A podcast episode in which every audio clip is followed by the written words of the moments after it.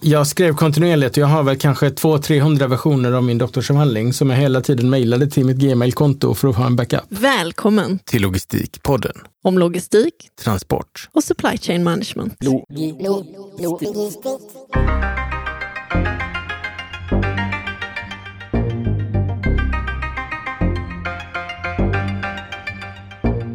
Hej och varmt välkomna till det här avsnittet av Logistikpodden där vi idag har fullt fokus på senaste kunskapsfronten inom logistiken.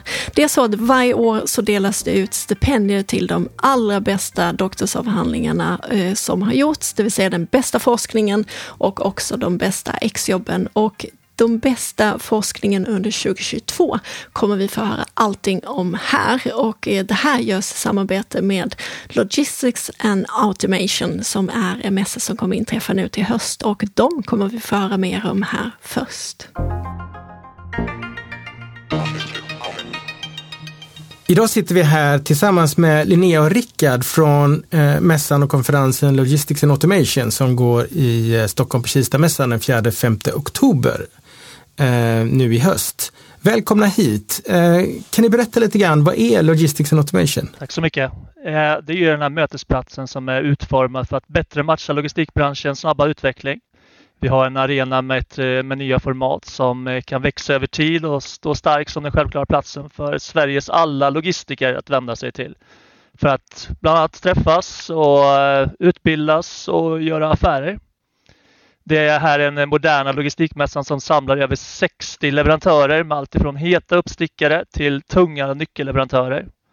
Och vi kommer presentera ett eh, gediget seminarieprogram eh, fyllt med branschhjältar, skarpa forskare och eh, viktiga influencers. Vad kan jag som eh, besökare förvänta mig att få med mig? Ni är ju några riktiga experter på det här området. Vad brukar ni eh, få för återkoppling? Vad är det publiken tycker är allra mest härligt att ta med sig? Ja, det är ju mycket. Vi har till exempel, eh, som Rickard sa, det, ett gediget seminarieprogram vi har satt, som vi har satt ihop tillsammans med branschen.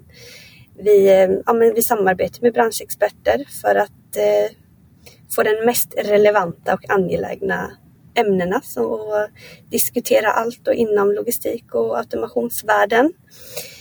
Vi har även tagit hänsyn till feedback från tidigare mässor som vi har haft eh, och det är önskemålet för att säkerställa att eh, vi täcker ämnen och områden som är intressanta och värdefulla för eh, våra besökare.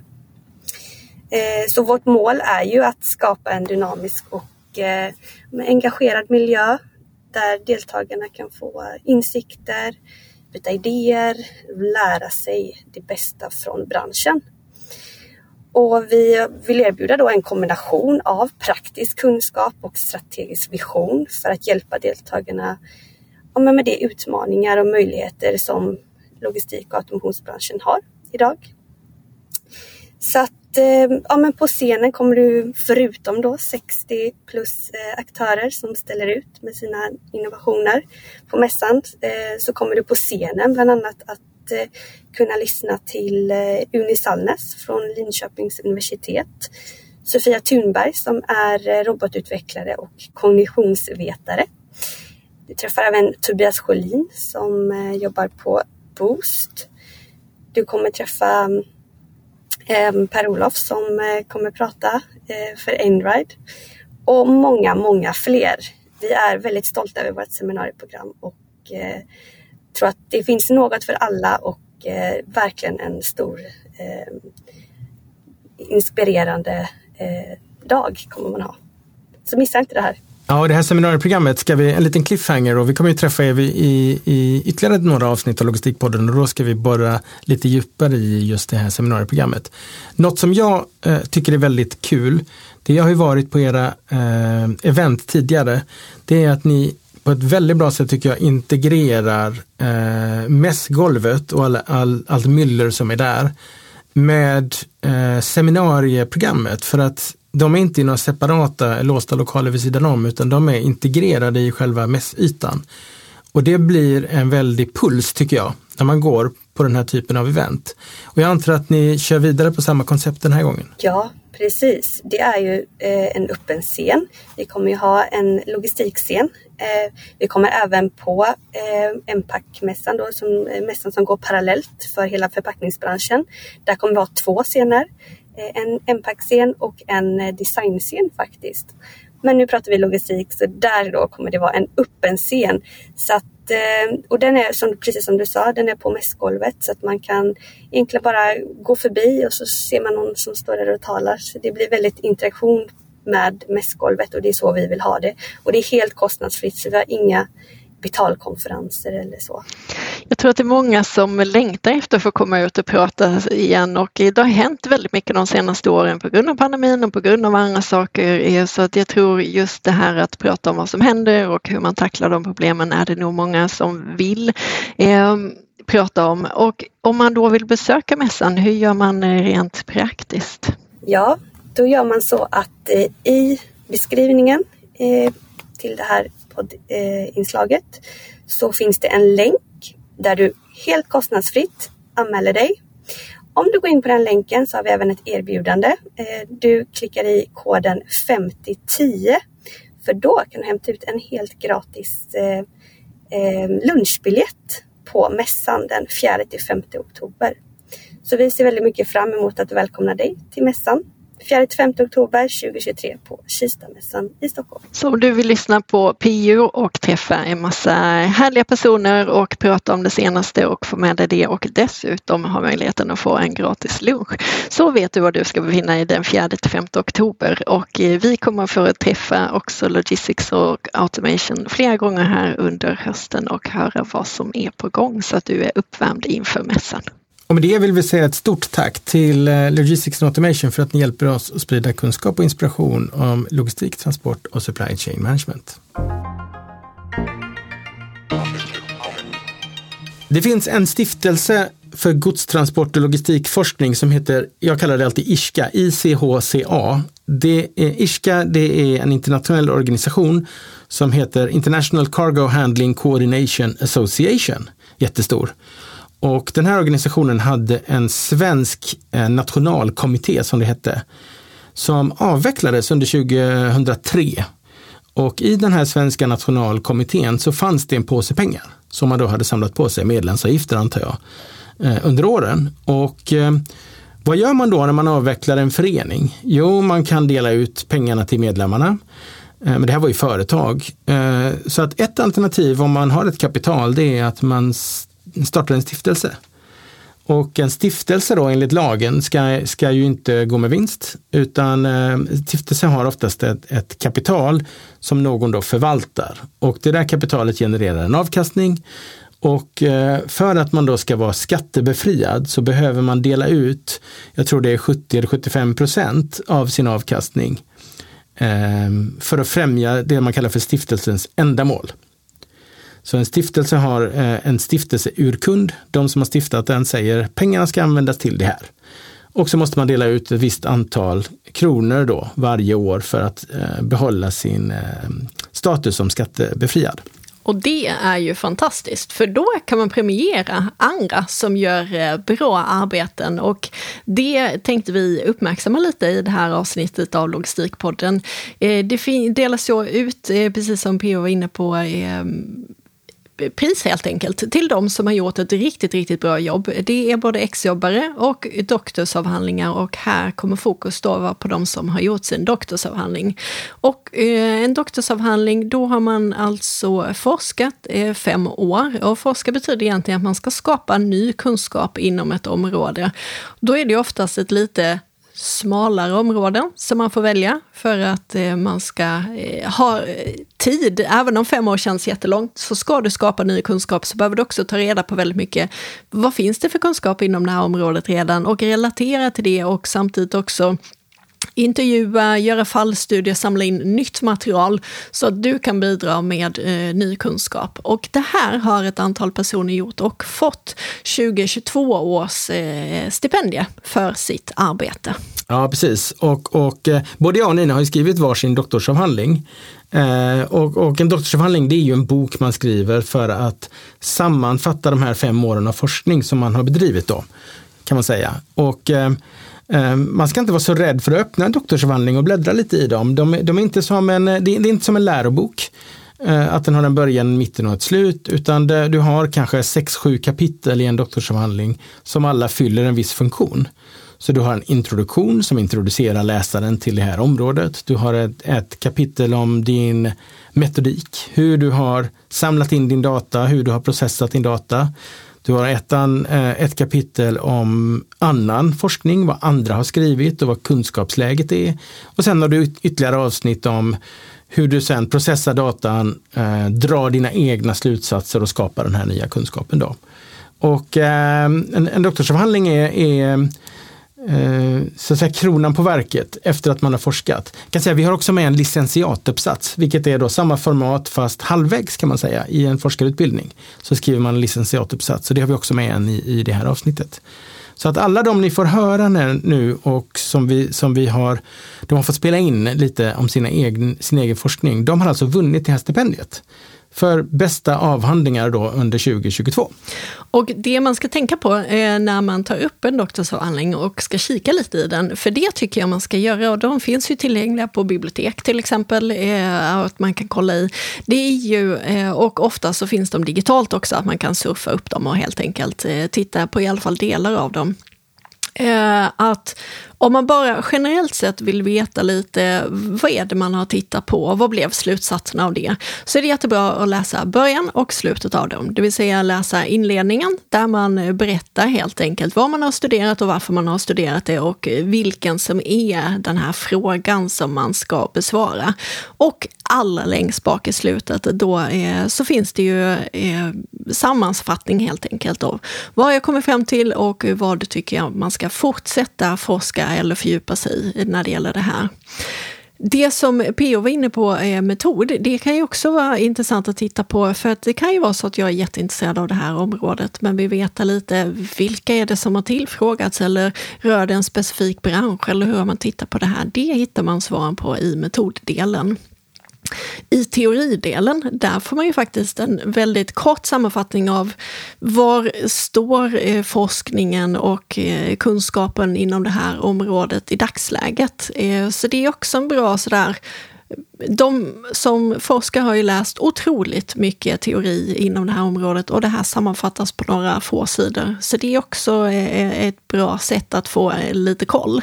Och det är ju så att både, både du och jag Nina har ju faktiskt fått det här stipendiet eh, tidigare, eh, tidigare år. Och eh, vad handlade din avhandling om? Den handlade om logistik som är, där man behöver bygga upp logistiksystem tillfälligt. Det vill säga det kan vara till en byggarbetsplats. Jag var och besökte FN-högkvarteret till exempel. Det kan vara en fredsbevarande insats. Så det enda man vet det är att behovet är tillfälligt. Ibland vet man exakt hur långt det är, till exempel under byggnation eller jag ska ha en rockkonsert så att det gäller tre kvällar på Ullevi och sen så är det färdigt. Eh, men ibland, till exempel i en fredsbevarande insats eller så, så vet man inte riktigt hur lång tid det tar. Och det gör ju att man har andra förutsättningar.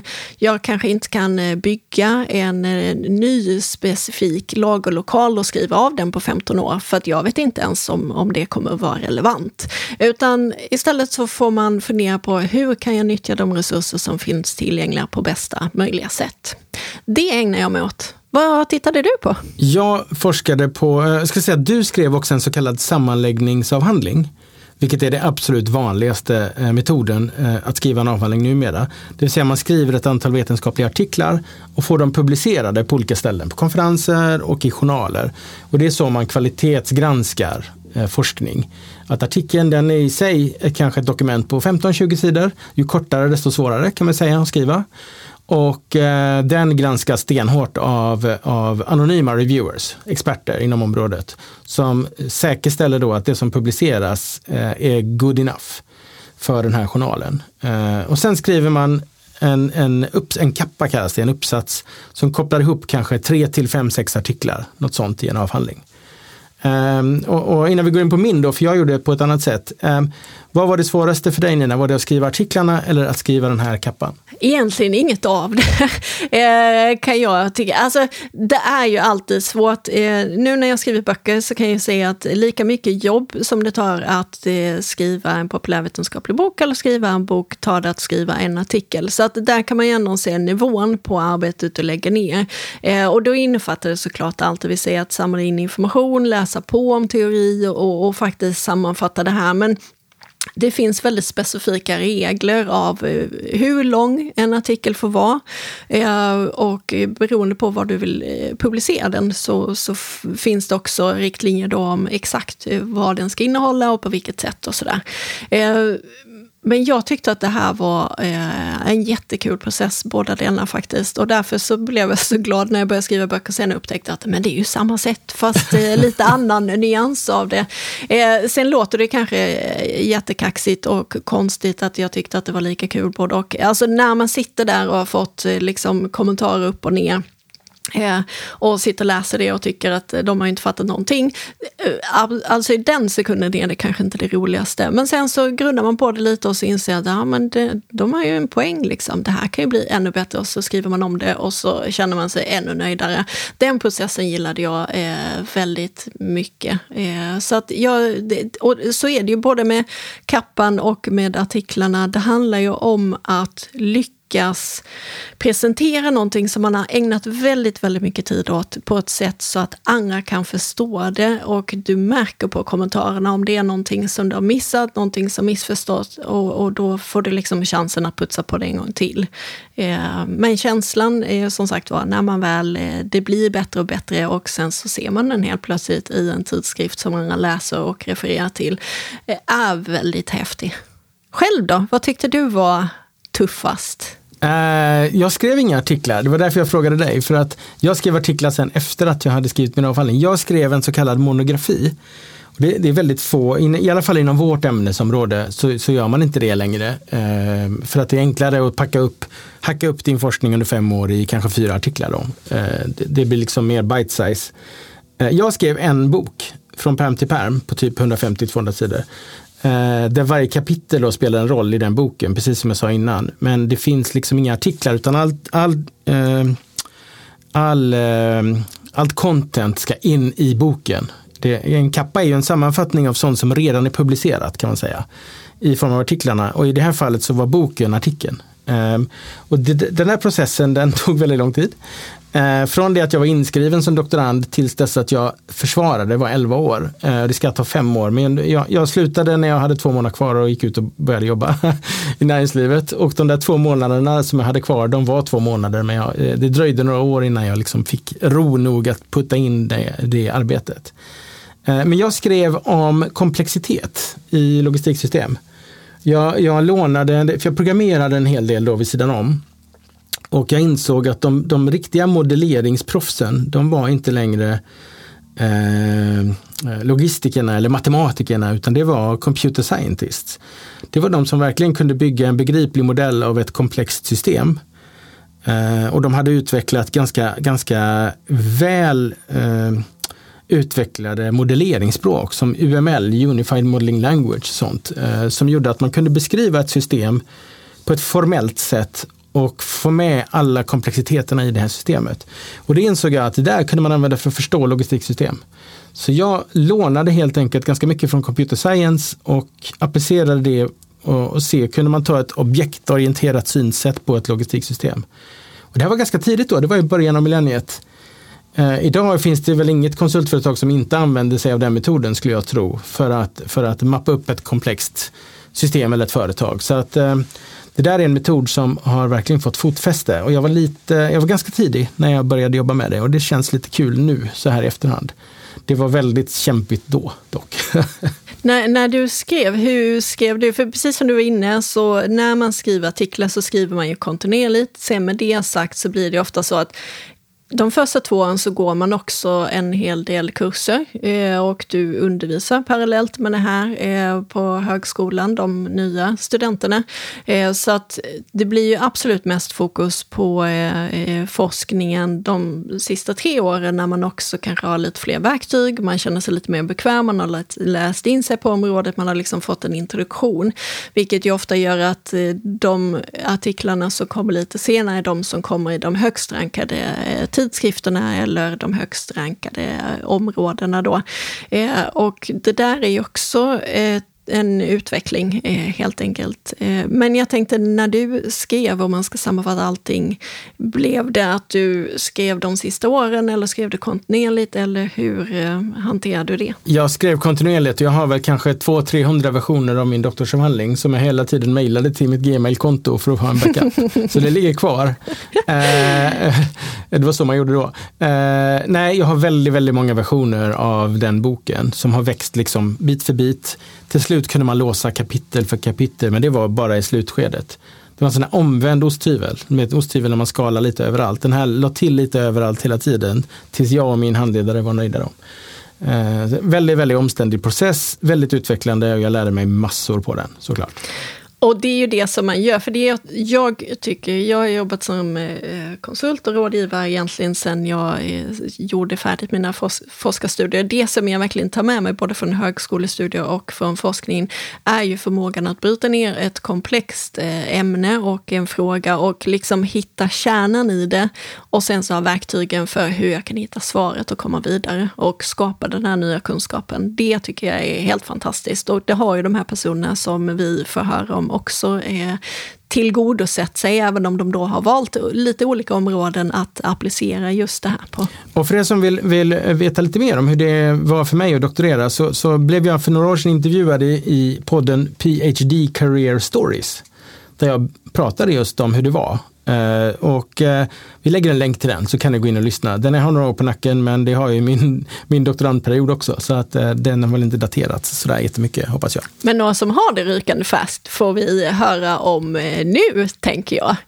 Och eh, först ut så har vi Emelie Gustafsson och eh, hon har gjort en, eh, skrivit en doktorsavhandling om det här med osäkerhet i vilken vara man ska köpa egentligen. Ja, och här får vi höra Emelie själv berätta om sin forskning.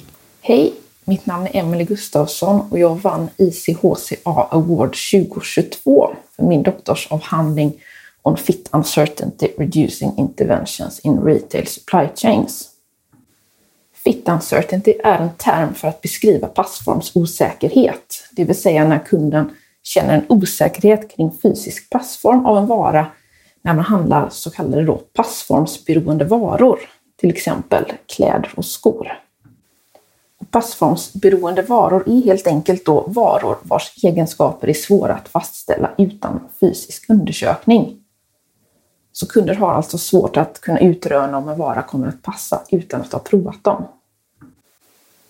Kollar man på e-handeln då så är möjligheten att tillhandahålla information om passform väldigt begränsad, vilket skapar utmaningar för försörjningskedjor såsom returer, förlorad försäljning och även inkurans.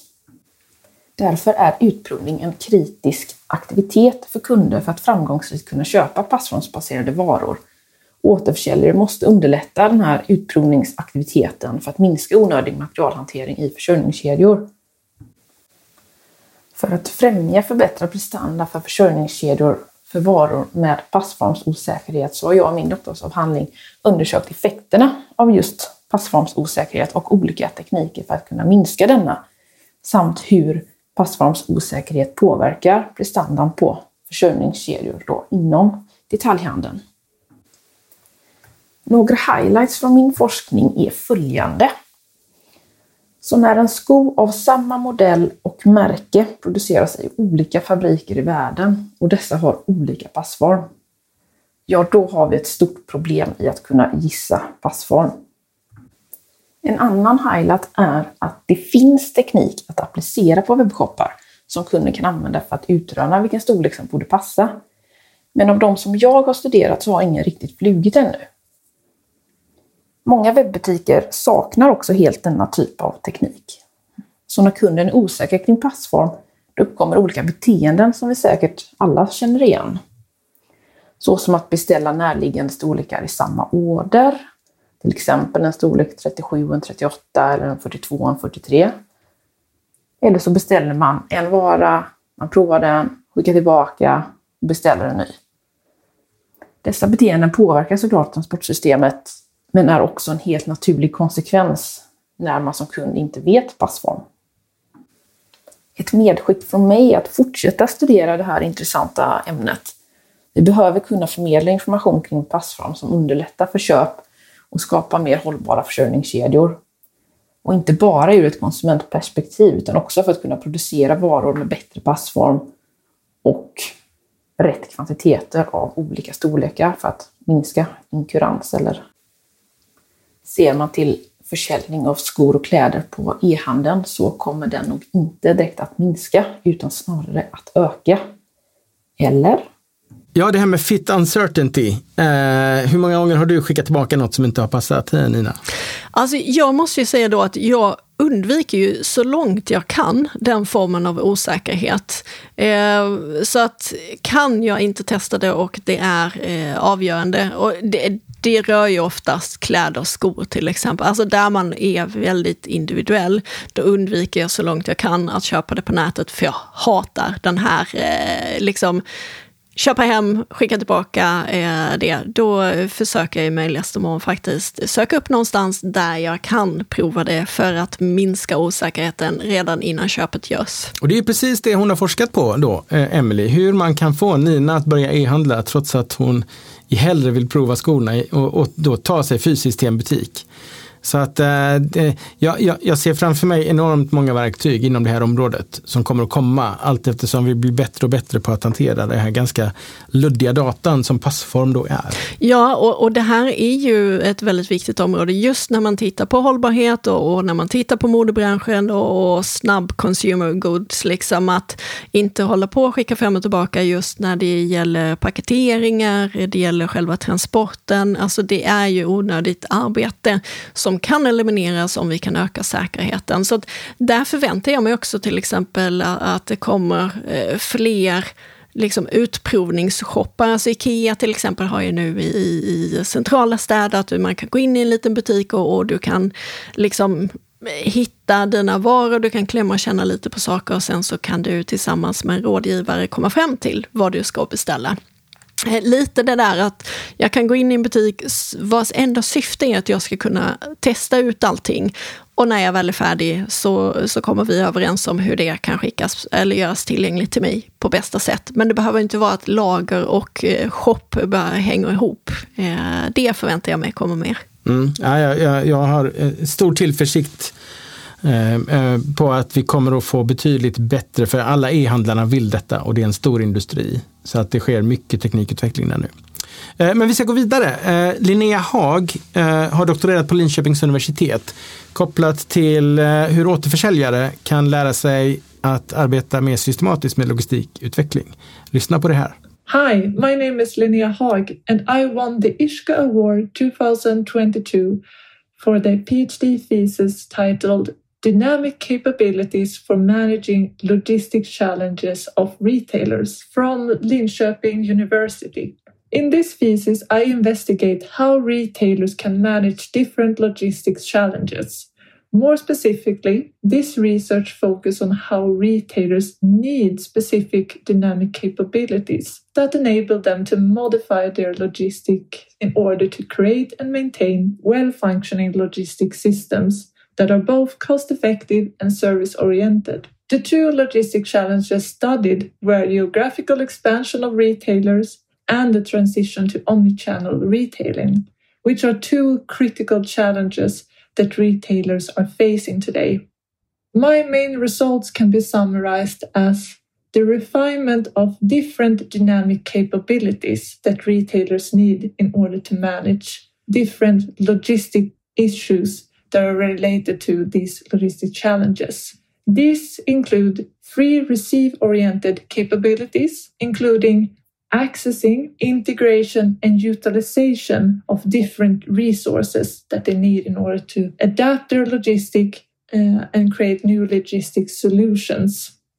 With the result from my thesis, it will be possible for logistic practitioners to establish more systematic routines for both receiving and transferring important resources in order to, in a better way, adapt their logistic and meet new conditions and overcome future logistic challenges in retail. This research also provides several concrete examples of how retailers can take on important logistics issues and challenges, as well as summarize many valuable learnings and experience from retail practitioners that has worked with these types of challenges.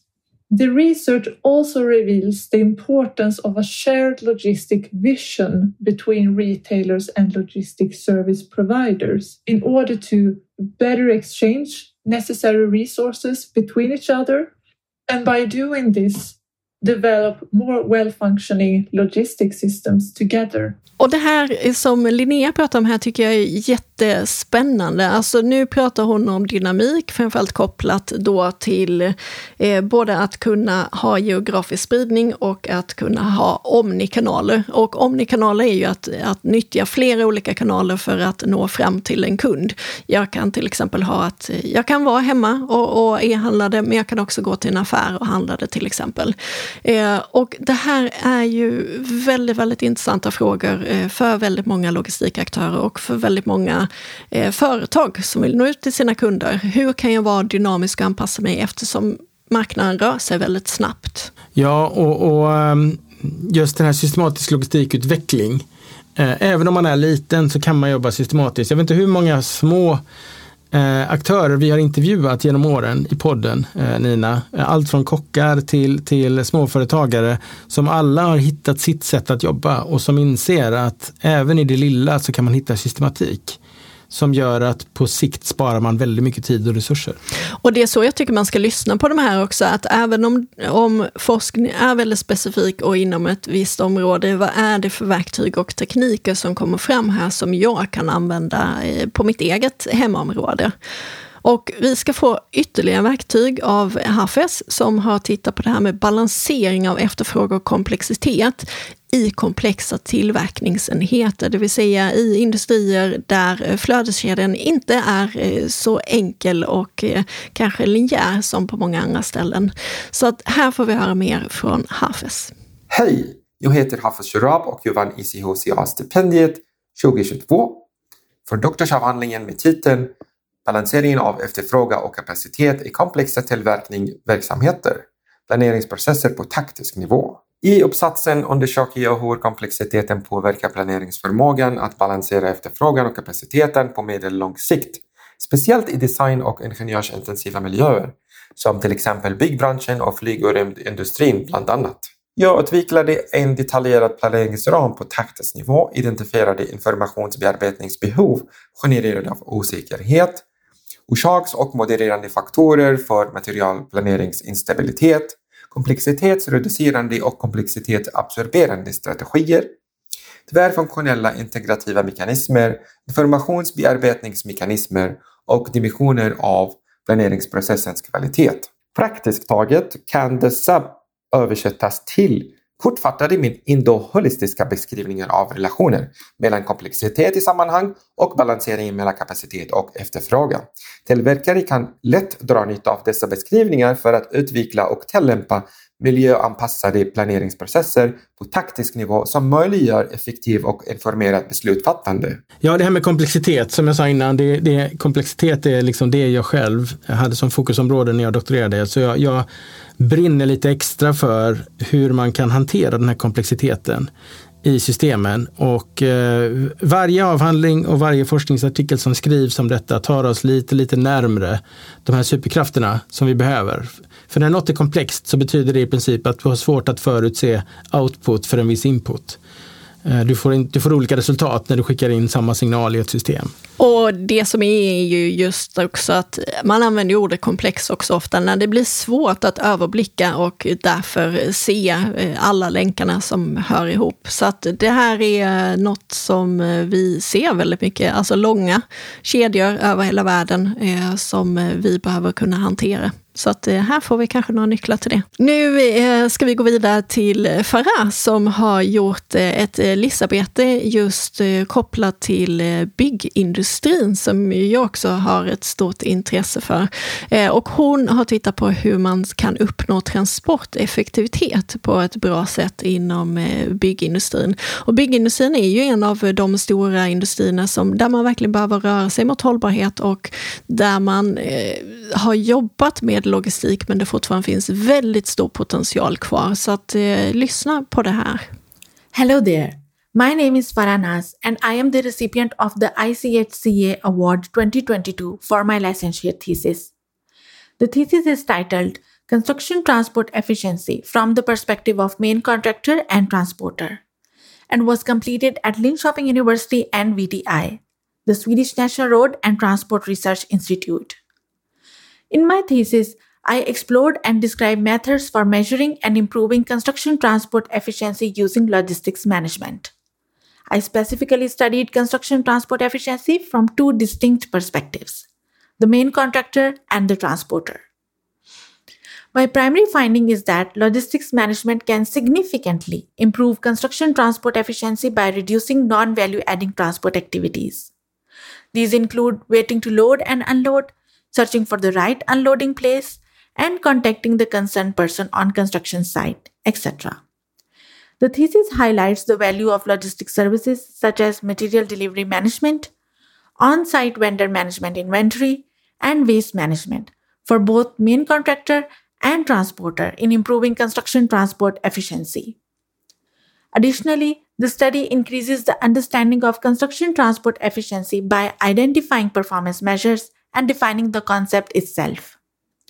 To continue, I would like to briefly mention the three research papers that I have included in my licentiate thesis. The first paper focuses on using construction logistics setup data to measure performance and improve transport efficiency in construction. The second paper investigates non value adding activities from a freight forwarder perspective to contribute to construction transport time efficiency utilizing value stream mapping. Lastly, the third paper analyzes the value creation of different logistic services in a construction logistics setup from a multi actor perspective using service blueprinting. In conclusion, the thesis provides a comprehensive, empirically based picture of lack of efficiency that exists within construction transports. This is achieved by identifying value adding, non value adding, and necessary but non value adding activities within the field. Thank you. Två viktiga saker här som jag tycker Farah eh, pratar om är ju det här med eh, att reducera tiden som eh, man ägnar åt icke värdeskapande aktiviteter. Det finns ju väldigt mycket sådana på byggarbetsplatser, för lite samma som Hafez var inne på. Alltså det här är komplexa miljöer där väldigt många olika aktörer är inne och man är inne under en kort tid. Det var ju lite det som vi pratade om tidigare, att jag också forskade på. Alltså hur interagerar man när det är tillfälligt och hur skapar man ordning i i det lite halvkaoset. Eh, och också var hon inne på det här eh, med att identifiera viktiga mätetal. Alltså mätetal kan bli väldigt fel om man använder dem på fel sätt, men de är också en väldig styrka i att eh, kunna veta att man rör sig framåt och rör sig i rätt riktning. Det pratade vi lite om eh, tidigare. tidigare. Och vill ni veta mer om just forskningen i Linköping, då, där har ju Anna Fredriksson, som vi har intervjuat tidigare, byggt upp en forskarmiljö eh, kring just bygglogistik som håller på att bli riktigt, riktigt vass. Och sist ut då, eh, bland våra pristagare har vi Per Wide som doktorerade på Chalmers eh, kopplat till realtidsinformation för störningshantering. Eh, så varsågoda, här kommer Per och beskriver sin forskning. Hej, mitt namn är Per Wide och jag vann ISCA-priset 2022 för doktorsavhandlingen med titeln Real Time Information for Disruption Management in Interpol Freight Transport som jag gjorde vid Chalmers tekniska högskola. I min avhandling utforskar jag hur realtidsinformation kan användas för att hantera operationella störningar i intermodala transporter. Resultaten kan sammanfattas enligt följande. Avhandlingen strukturerar hur olika faktorer av realtidsinformation påverkar när och hur de olika faserna av avvikelsehantering sker. Faserna i avhandlingen inkluderar upptäckt av avvikelse, prediktering av dess effekt på transportsystemet och vald åtgärd. Realtidsinformation kan påverka avvikshanteringen utifrån vad man upptäcker, det vill säga störning eller dess effekter, och var i transportsystemet man upptäcker detta.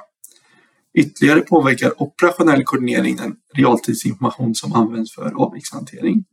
Buffrar och information ställs emot varandra för att förklara denna koppling. Slutligen visades hur transportsystemets effektivitet kan förbättras via avvikshantering baserat på realtidsinformation genom att simulera effekterna av en avvikelse i en intermodal transport utifrån olika informationsscenarier. Med resultaten från denna forskning är det möjligt för transport och logistikchefer att förstå och utvärdera sina processer och tillgänglig information när operationella störningar sker. På så vis kan man arbeta för att undvika reaktiv hantering av störningar och istället proaktivt förutse störningarnas effekter på transportsystemet. Dessutom är resultaten viktiga för anpassningen mot framtidens transportsystem. Den autonoma utvecklingen kommer att ställa nya krav på realtidsinformation vid störningar. Och Det här med att hantera eh, de här störningarna, han har tittat på intermodala transporter, för då blir det också väldigt krångligt när man ska byta trafikslag från väg till järnväg till exempel. Då finns det rätt mycket som kan gå fel och det finns stora osäkerheter. Och eh, är det någonting som man ofta vill som godsmottagare så vill man veta om det är någon försening eller att eh, något, någonting inte har gått som det ska. Och det är det som Per då har tittat på i sin eh, forskning. Och hur kan man lära sig att hantera bättre information i realtid? För det där är något transportbranschen är ganska dålig på, att hantera just realtidsinformation. Det är mycket bättre att ha en plan och följa den och sen så om någonting då inte riktigt går som det ska så får man hantera det. Och det här är ett lite mer systematiskt sätt att förhålla sig till det där. Och sammantaget kan man ju säga här att här är personer som har ägnat då två och ett halvt eh, i eh, Ferras fall som har gjort en list men de andra har ägnat fem år åt att fördjupa sig och skapa ny kunskap om de här områdena. Och det rör ju generellt strukturella frågor, det rör transporteffektivitet, det rör hur hantera osäkerhet, hur kan jag agera dynamiskt, eh, hur kan jag balansera efterfrågan och hur kan jag hantera störningar? Och jag tror att oavsett i vilken bransch som ni befinner er och vilken roll ni befinner er så är det här frågor som ni behöver hantera och som vi har senaste nytt. Och om man tycker att det känns, man hämtar den här doktorsavhandlingen eller kollar upp någonting som är skrivet av de här och tycker att oh, det verkar lite komplext komplext, tveka inte att kontakta dem. För alltså, som sagt var, har man blivit expert på något område så tycker man ju att det är så kul att någon kommer och frågar och verkligen vill använda den här nya kunskapen som man har skapat. Så har du intresse av att fördjupa dig i de här frågorna så kontakta de här personerna så får du det absolut eh, bästa rådet du kan tänka dig som är eh, rykande färskt. Jag kan också ha ett, ett annat tips från coachen här. Eh, många vetenskapliga artiklar är ju inlåsta. Vilket är ett ganska, ganska fult system i sig. Det kan vi ha ett helt avsnitt om hur man har liksom, eh, gamifierat hela forskningsvärlden kopplat till de här journalerna och artiklarna.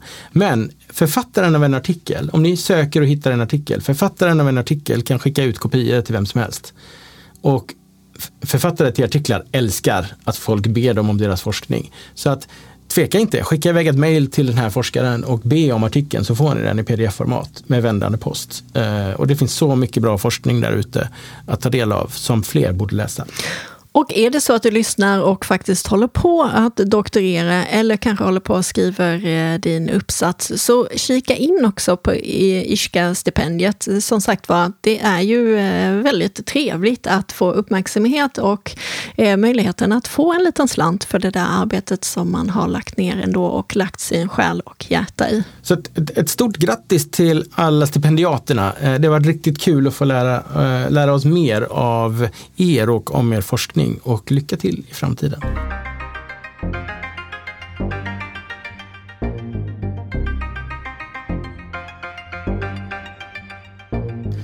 Varmt tack för att du har valt att lyssna på Logistikpodden. Vad tyckte du om det här avsnittet? Följ oss på LinkedIn. Där kan du också gå in och kommentera och diskutera vidare med andra logistikintresserade personer. Så missa inte det. Vi ses där.